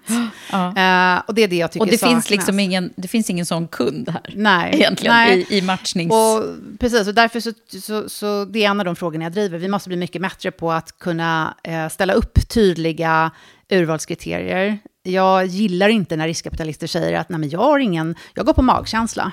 För jag tror inte att det är helt sant. Jag tror inte att man går på magkänsla. Eh, men men, men jag, jag tycker det, vore, det är oroväckande om det är så, så vi jobbar. Därför att det är verkligen ett sätt att exkludera många och att eh, missa talanger. Ja. Och det här visar forskningen väldigt tydligt. Men du har ju nästan en lösning på det här. Ja, men kanske. Ja. Eh, och jag har ju också startat ett initiativ, Precis, ja, det var det jag tänkte på. Ja. Double up Impact. pa- impact. Mm. Precis, som man kan uh, signa upp sig på. Ja, precis. Och tanken är ju helt enkelt att försöka bidra till någon sorts... Alltså, för det, lite som vi pratade om i början, jag tror att det behövs väldigt många perspektiv. Det finns liksom inte en lösning på den här frågan. Eh, jag gillar tanken om en så kallad small wins process, som helt enkelt betyder att man tar många små steg i en tydlig riktning. Och double up impact försöker göra just det. Dels ska vi sätta strålkastarljuset väldigt starkt på den här frågan och säga att det här kan vi liksom inte godta. Det här är ingen bra lösning ur ett samhällsperspektiv, ur ett hållbarhetsperspektiv. Vi kan inte ha ett entreprenörs, ehm, en entreprenörskultur som inte liksom får med sig alla potentiella talanger. Eh, så tanken är att bygga en, en open source kunskapsplattform där vi kan dela dels fakta, eh, statistik. Det är många som hör av sig och säger, men gud, jag, var ska jag leta, var finns information? Men också verktyg, enkla verktyg. Hur kan man jobba med det här? Vad kan man göra i sitt eget? Och Oavsett om man är entreprenör och kanske ställs inför de här mötena med banken, revisorn, investerarna. Eh, att känna sig lite starkt i att men jag har ändå liksom, jag, jag står på lite, lite stabil mark, så där. jag har lite koll på de här eh, Mm. frågorna. Men också verktyg för hur man kan jobba med sitt team, eller om man vill investera i någon, hur man kan tänka kring Ja, men man skulle ju den här också vilja, det kanske du är på, men man skulle ju också vilja utbilda eh, precis. riskkapitalbolagen och de som, som har de här. Och det ser vi som, ett, som en utveckling i det här. Där ser vi stora möjligheter också. Att förhoppnings, vi hoppas att många vill signa upp på den här frågan. Att, att dubbla upp på sitt eget sätt. För vi har tänkt att ja, men det, man pratar om den här enprocentaren. Och, och, och då är det många som blir stressade och tänker så här, men hur ska vi gå från 1% till 50%? Det är klart, det är en omöjlig uppgift att göra över en natt. Det går liksom inte. Mm, och Eh, då, då, en procent av riskkapitalet som går till kvinnligt grundade Precis, bolag. att det är så lite, det är knappt ens 1%. Men där har vi sagt att men om man bryter ner det där, det är lite slicea elefanten, eh, vilket i och för sig är ett konstigt uttryck, men ja, man bryter ner i små delar, så tror vi att om man enas om att vi vill ändå se en förändring, och att ett rimligt, en rimlig målsättning skulle kunna vara att vi går från 1% i finansiering och investeringskapital till 2%, från 2% till 4%. Vi tar små steg helt enkelt. Man tar små steg, då lär man sig saker längs med vägen. Ehm, och vi kommer att hitta, vi kommer enklare tror jag att hitta ledtrådarna till lösningarna. Mm. Och det kan vara att dubbla upp, kan handla om andra saker. Det kan vara att jag vill dubbla upp på andelen kvinnor i min ledningsgrupp eller min styrelse. Just Så jag det, tror att man kan man tolka det här på, man kan använda det. Ja, men man kan använda det på Ja. olika sätt. Och det, tanken är att det ska vara en inspiration. Vi, vi har också träffat människor som delar sina eh, berättelser om hur de faktiskt har gjort. Mm. Och visar att det går. Och sen så finns den här utbildningsdimensionen då. Ja. ja, det är superbra. Men det finns en grej till som tangerar det här. Och det är Mm. ju det som du var inne på lite grann med kvinnors och mäns olika förhållande till risk som det pratas Mm. väldigt mycket om nu. Ja, det har blivit en... En, En snackis. Och, ja. det, och det är ju, tycker jag, bra att vi kan, vi, kan vi liksom bena ut det här Mm. nu. Ja, den där frågan, eller så här, jag uppfattar att den ofta dyker upp mer som ett påstående än en fråga. Ja, att det kvinnor är mer... Ja, precis. Det lanseras med jämna mellanrum. Eh, olika påståenden. Det släpptes en rapport här i veckan om kvinnors entreprenörskap. Och i den så är mer eller mindre huvudkonklusionen att kvinnor är rädda för att misslyckas och kvinnor vill inte ta risk. Och det där tycker jag är, det där, det där är ju en, ett dubbelsidigt svärd, eller hur man ska uttrycka sig. Um, Vad tror du då? Ja, nej, men det finns forskning som, som visar att kvinnor inte tycks lika intresserade av att ta eh, risk som män gör. Men då måste man gå tillbaka till den här, återigen komma ihåg att vi jämför oss alltid med män och mäns sätt att ta risk. Och riskfrågan har ökat, den har ökat, de, den, jag skulle säga att den, fokus på risk har ökat i takt med att vi har ökat eh, investeringarna, alltså riskkapitalinvesteringarna har ökat. Så jag tror att man måste sätta de här i, i, i samband med varandra. Och då måste man också förstå att eh, riskkapital eh, handlar inte om att ta lite risk. Riskkapital handlar om att ta mycket risk, extrem risk. Och det visar forskningen ganska tydligt, att kvinnor är inte så intresserade av att ta extrem risk. De är, mycket mer intresserade av att ta mm, lagom risk. Eh, det som forskningen också visar, som inte alls lyfts upp på det sättet som det borde, det är att det, kvinnors sätt att ta mer eh, balanserad risk, det ger också mer lönsamma företag och företag som är uthålliga över som tid. håller. Så det är det som jag tycker är problemet med riskdiskussionen. Att ett, man sätter den i relation till en konstruerad bild av risk och vad risk faktiskt ger för resultat. Att det liksom är bra att våga Ja, men det visar inte forskningen. Forskningen kan inte befästa Nej. att det skulle vara bra eller lönsamt, varken för företagen eller för samhället, att ta extrem risk. Och det är därför jag tycker att vi ska vara väldigt, väldigt observanta på den här frågan som handlar om att hela tiden påstå att kvinnor inte vill ta risk. Att när kvinnor tar risk så måste det sättas i kontext. Vilken risk är en sund och bra risk att ta? Och då tror jag så här, då skulle vi få en mycket mer nyanserad diskussion kring, kring riskfrågan. En annan dimension av risk, det tycker jag handlar om att titta på hur blir det då när kvinnor tar risk? För då finns det också väldigt mycket forskning som visar, eh, eh, FN, eh, FNs utvecklingsorgan släppte en ganska färsk rapport nyligen, som visar att eh, kvinnor utsätts för så mycket mera motstånd, eh, inte minst i näringslivet, än vad män gör. Alltså det är motstånd på alla nivåer och i alla sammanhang. Så att, och, och det här vet jag, jag känner igen det här. Och jag, när jag träffar mina entreprenörskollegor så de berättar alltid samma historier. Mm. Det är liksom motstånd hos banken, det är motstånd hos revisorn, det är liksom, man blir ifrågasatt, man, man liksom blir behandlad på ett sätt som våra manliga kollegor aldrig blir, eller aldrig berättar historier om. Mm. Um, och kommer man till investerare så det ju, finns det ju mängder med forskning idag som visar på samma sätt, att kvinnor bedöms helt annorlunda än män, när det är exakt identiska förutsättningar. Mm. Och det är, ju, det är ju problematiskt, och jag tror att man måste förstå de här sakerna. Innan man börjar påstå att kvinnor inte vill ta risk, så måste man först leverera det här kontexten underlaget. och underlaget. Mm. Och sen kan vi börja diskutera. Och, För nu så släppte du alldeles nyss äh, fakta om att vi är liksom sämst i Europa på, mm. på kvinnligt företagande. Svenskt Näringsliv har precis släppt en rapport som visar att... Äh, näst sämst. Ja, vi är näst sämst. Alltså, det är bara Malta som har färre entreprenörer med anställda än Sverige. Uh, och entreprenörer som är gener så, generellt sett entreprenörer? Eller alltså företagare, som är, kvinnor som är, alltså kvinnor som driver bolag och kvinnor som driver bolag som har anställda. Mm. Då är vi näst sämst, näst sämst i EU. Ja, det är bara Malta som har färre. Och det är klart att man måste fundera över hur det kommer sig i ett av världens mest liksom, oh, trygga verkligen. länder. Och då är det många som pekar på till exempel trygghetssystemen, eh, som handlar om att ja, men, Eh, kvinnor startar ofta bolag i liten skala, kanske när de har små barn samtidigt. Och det är viktigt att man kan röra sig mellan jobb och entreprenörskap, men då är våra trygghetssystem ganska fyrkantiga och det är inte så lätt att göra det. Man kan inte ta med sig liksom, liksom intjänade eh, liksom inkomster och flytta över dem. Och, och, där behöver vi ju liksom ändra på, på regelverket. Mm det tycker jag är viktigt. Vi har också ett ganska mm, ett lite snävare utbildningssystem än vad man har i Europa. Så på, på universitets och högskolenivå så kan man inte röra sig mellan olika discipliner. Så om du, jobb, om du har pluggat humaniora så är det inte så lätt att röra dig inom teknikområdet eller naturvetenskap. Nej. Det är mycket enklare i Europa. Så mm. där finns det ju möjligheter att, att uh, utveckla systemet. Men så tror jag att vi måste göra upp med den här elefanten i rummet. Mm. Och det är ju uh, normer och synsätt som hela tiden hindrar kvinnor för att vi gör jämförelsen med män. Och det är klart att vi är ju inte biologiskt identiska. Och, mm. och, det är ingen som säger att det måste vara exakt på samma sätt. Men Nej, jag, men jag att... tänker att det är, det är liksom bra att prata om det här att, att uh, det, kanske är, det kanske är vårt sätt att att eh, ja, men, till och med forskningen finns att det är mer lönsamt och hållbart över tid. Precis. Det kanske är vårt sätt som är det rätta. Ja, och lika bra. Ja, framförallt. Ja, ja. Alltså, det är det det handlar om, att åtminstone se till att det blir lika, lika bra möjligheter för kvinnor att starta bolag, mm. driva dem, eh, och att man ser värdet av det här. Vi behöver ju ändå bolag som, som överlever, mm. som bidrar med skatteintäkter. Men det blir spännande att se vad som kommer hända med hela mm. riskkapitalkulturen, eller liksom hela det här för det känns ju som att det har varit lite peak och nu är vi nere på någon... Liksom, ja, det, kanske, det kanske inte kommer se likadant ut. Det kanske är ett öppet fönster nu att ja, tänka nytt och göra, det, göra annorlunda. Mm. Nu ska vi eh, ta oss till en fråga som du ska få ifrån min samarbetspartner. Ah, spännande.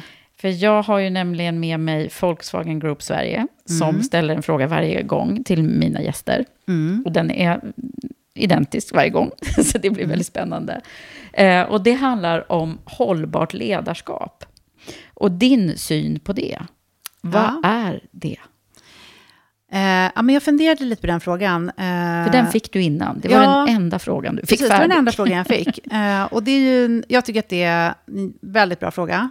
Det är kanske är den viktigaste frågan som mm, eh, vi ska ha på, på agendan. Det finns ju liksom delar av det du har pratat om som handlar om det. Ja, men visst. Mm. Och samtidigt så är ju ordet hållbarhet eh, väldigt väl använt, minst sagt. Nästan. Ja, och, och riskerar ju kanske bli lite urvattnat. Mm. Och ett ord som man drar till med lite liksom, när som helst, som man känner att man vill säga någonting smart. Mm. Ja, precis. Men jag tror, att, jag funderar på det här, jag tror att en, en jätteviktig liksom, insikt, när jag tänker själv i alla fall, det är att jag tror att man måste, ta, man måste fundera över så här, vad betyder hållbarhet för mig. I mitt företag, i min verksamhet, i mitt team kanske. Alltså på den nivå där man är. Eller mm. den, den, och vad betyder det för dig då? Ja, men jag, jag tror att eh, hållbarhet handlar väldigt mycket om i, i, i, jag och i vårt företag så bottnar vi väldigt mycket i två liksom, grundfrågor. Alltså så här, hur ser vi på vårt uppdrag? Vi är på arbetsmarknaden, vi jobbar med människor, vi är nära offentlig sektor i många fall vi måste vara väldigt väl grundade i hur vi ser på vårt uppdrag. Vårt uppdrag är att se till att hjälpa människor.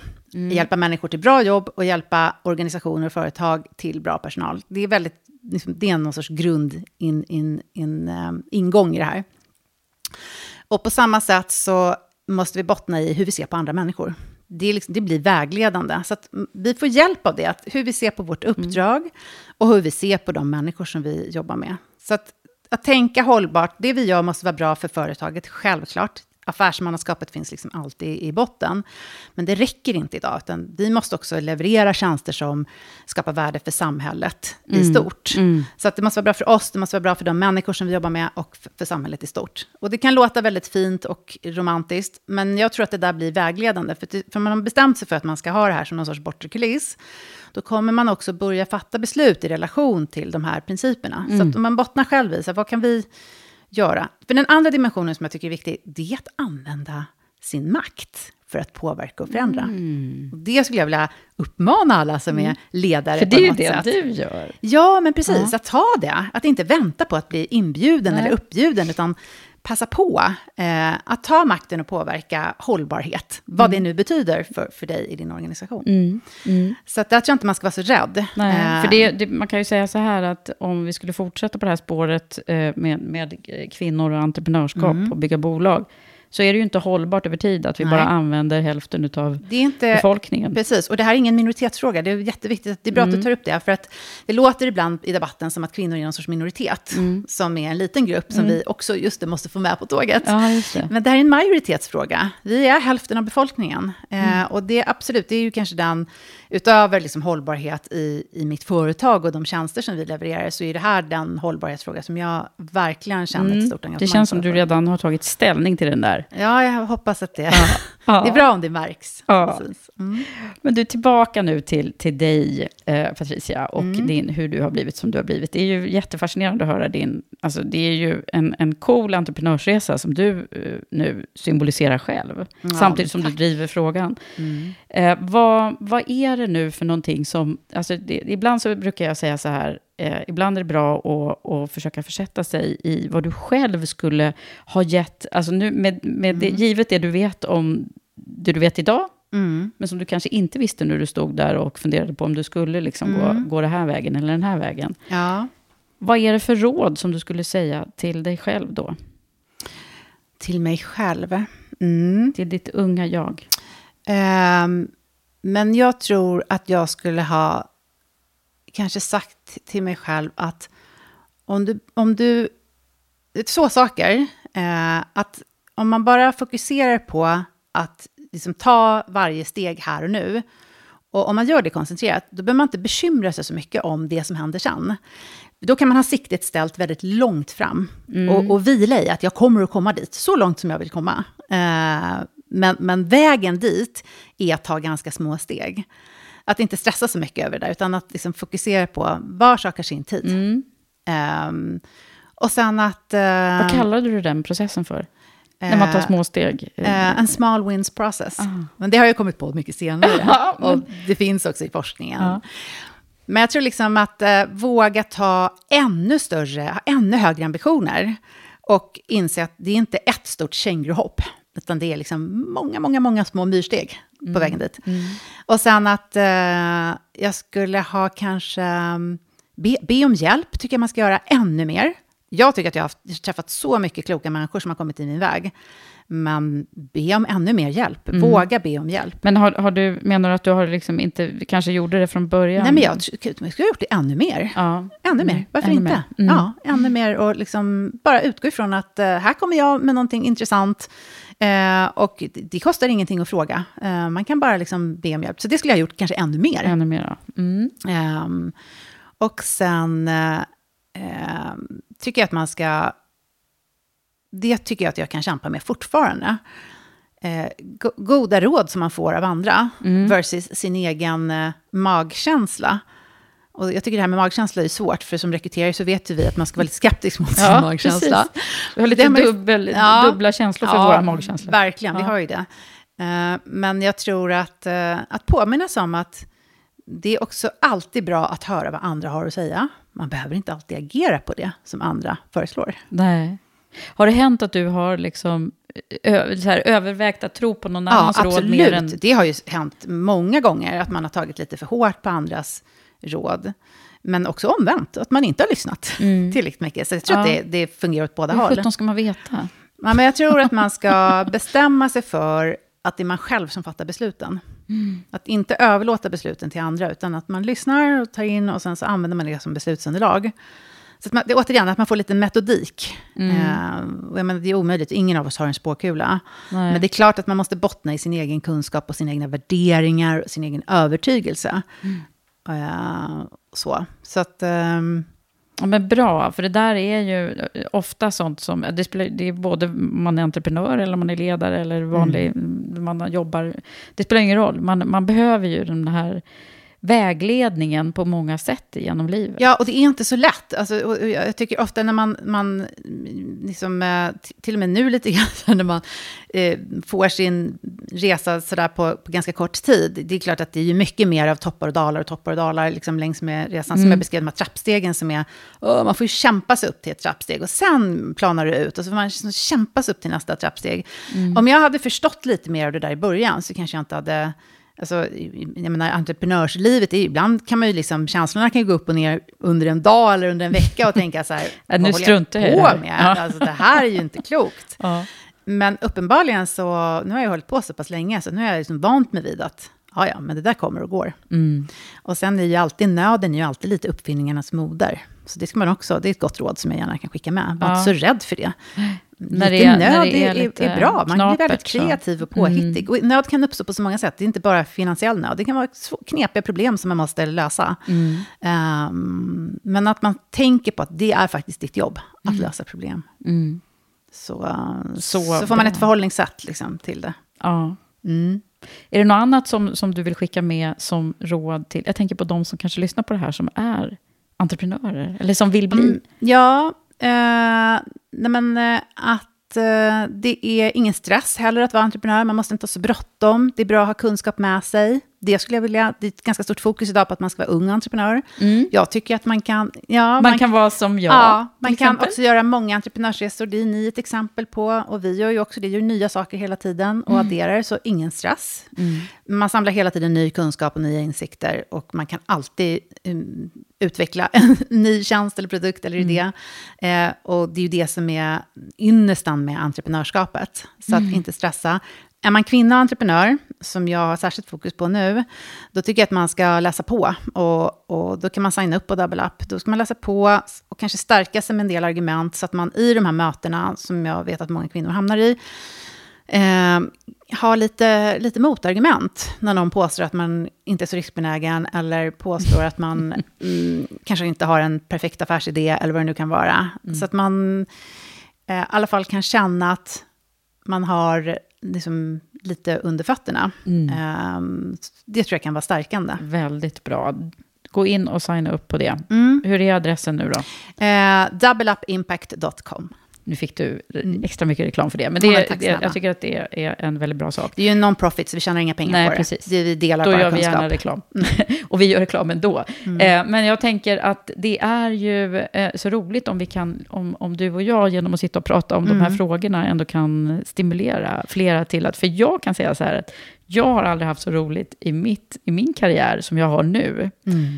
Eh, och nu har jag ju ändå jobbat i rätt Mm. Många många år. års erfarenhet. Mm. Eh, och, och därför att nu är jag ju, är jag ju med och bo, bygger bolag med ett tydligt syfte. Det var bra att du sa det, för det precis, jag håller med dig till 100 procent. Mm. Jag tänker att det blir ju bara bättre och bättre. Ja. Ju, ju mer erfarenhet man har, desto mer kan man, desto snabbare går det. Eh, jag har ett större kontaktnät. Alltså det är så mycket enklare idag än vad det var i början. Så att, Mm. Och en annan grej som jag tror, du börjar jag dela här, det var, ju- det var ju du som skulle göra det. Nej men, eh, eh, som jag tycker är så bra, det är ju att, när, eh, att, jag, att jag känner själv att jag har släppt ganska mycket fokus på mig själv. Mm. Precis. Och, och, liksom, och då blir det, så här, det är inte så viktigt hur, hur, liksom, hur, hur andra uppfattar mig, eller hur, Nej. utan det, det är liksom mera det jag håller på med som Ja, är det och det är också viktiga. en trygghet i det, att kunna känna att uh, kanske kan um, saker och ting tala lite för sig själva, och, och, och kanske det är åldern också, jag vet inte. Ja, nej, men det är det jag Mm. menar. Man Ja. liksom blir, det, det, det blir bara bättre. Ja, precis. Och jag håller med dig. Eh, att det blir en... ehm, jag känner att jag har samlat på mig mycket kunskap och erfarenhet. Och, och det är också roligt att kunna dela den. Och kan någon annan känna något liksom, liten inspiration i det så är det helt fantastiskt. Mm. Um, men är det nu någon fråga som jag har missat att ställa till dig innan vi slutar? Eh, nej, men du har ju ställt otroligt många bra frågor. Uh, och nej, jag tycker att du har ställt jättemycket frågor. Jag har fått prata jättemycket och berätta massor om det som är viktigt. Uh, det som är viktigt för mig. För det här är det, jag, jag har, tror jag, ganska tydliga principen då för hur jag driver bolaget, hur jag ser på det vi gör. Eh, det är viktigt eh, att liksom, ta tillvara på kraft hos människor som man har runt omkring sig. Mm. Och det, det, det är ju kanske också det som är så fantastiskt. Det är det tror jag man inser när man har hållit på ett tag. Att mm. Det är en sån otrolig ynnest också att ha människor omkring sig med engagemang och klokskap och intresse som, som mm. kan bidra på olika sätt. Och hur man också kan samverka. För jag tänker ja. att det är det man också kan göra genom att, och liksom, om man vill driva förändring nu som du vill och som ja. jag också vill, så är det ju så himla bra att vi sitter här och kan kroka arm. Jag tror att man måste kroka arm och det är också en bra sak att, att, att ta upp, att uh, inte göra så mycket ensam, mm. utan att samarbeta med andra så mm. mycket man bara kan. Mm. Och det betyder inte att man måste ge avkall på sina egna värderingar eller åsikter, eller tankar och idéer. Eh, men eh, när man hittar gemensamma eh, värderingar och synsätt och, och, och hos, hos andra så måste man liksom använda det. Det är väldigt smart. Mm. Så bra. Tack snälla Patricia för att du har varit här och delat med dig av all din klokskap och erfarenhet. Tack snälla för att jag fick komma.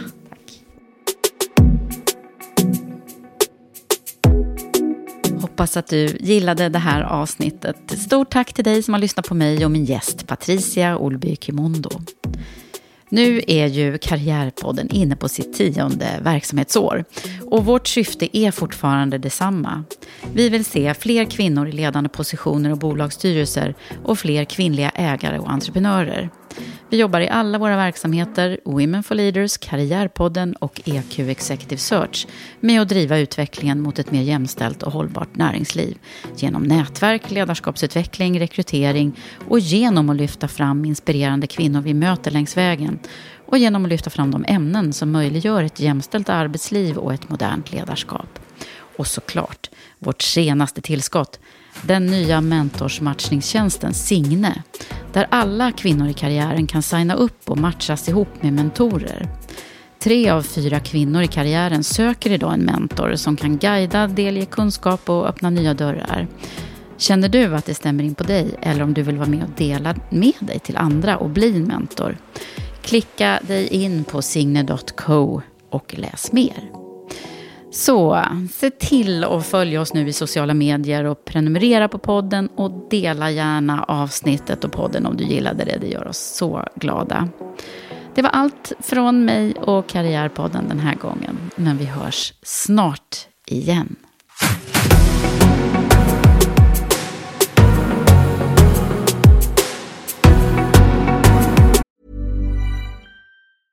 Mom deserves the best, and there's no better place to shop for Mother's Day than Whole Foods Market. They're your destination for unbeatable savings, from premium gifts to show-stopping flowers and irresistible desserts. Start by saving 33% with Prime on all body care and candles. Then get a 15-stem bunch of tulips for just $9.99 each with Prime. Round out Mom's menu with festive rosé, irresistible berry chantilly cake, and more special treats. Come celebrate Mother's Day at Whole Foods Market. Traffic jams, tailgating, pileups. Ugh, the joys of driving. How could it get worse? The federal government wants to have a say in what you drive. That's right. The Biden administration's EPA is pushing mandates that would ban two out of every three vehicles on the road today. Don't let Washington become your backseat driver. Protect the freedom of driving your way. Visit EnergyCitizens.org. Paid for by the American Petroleum Institute.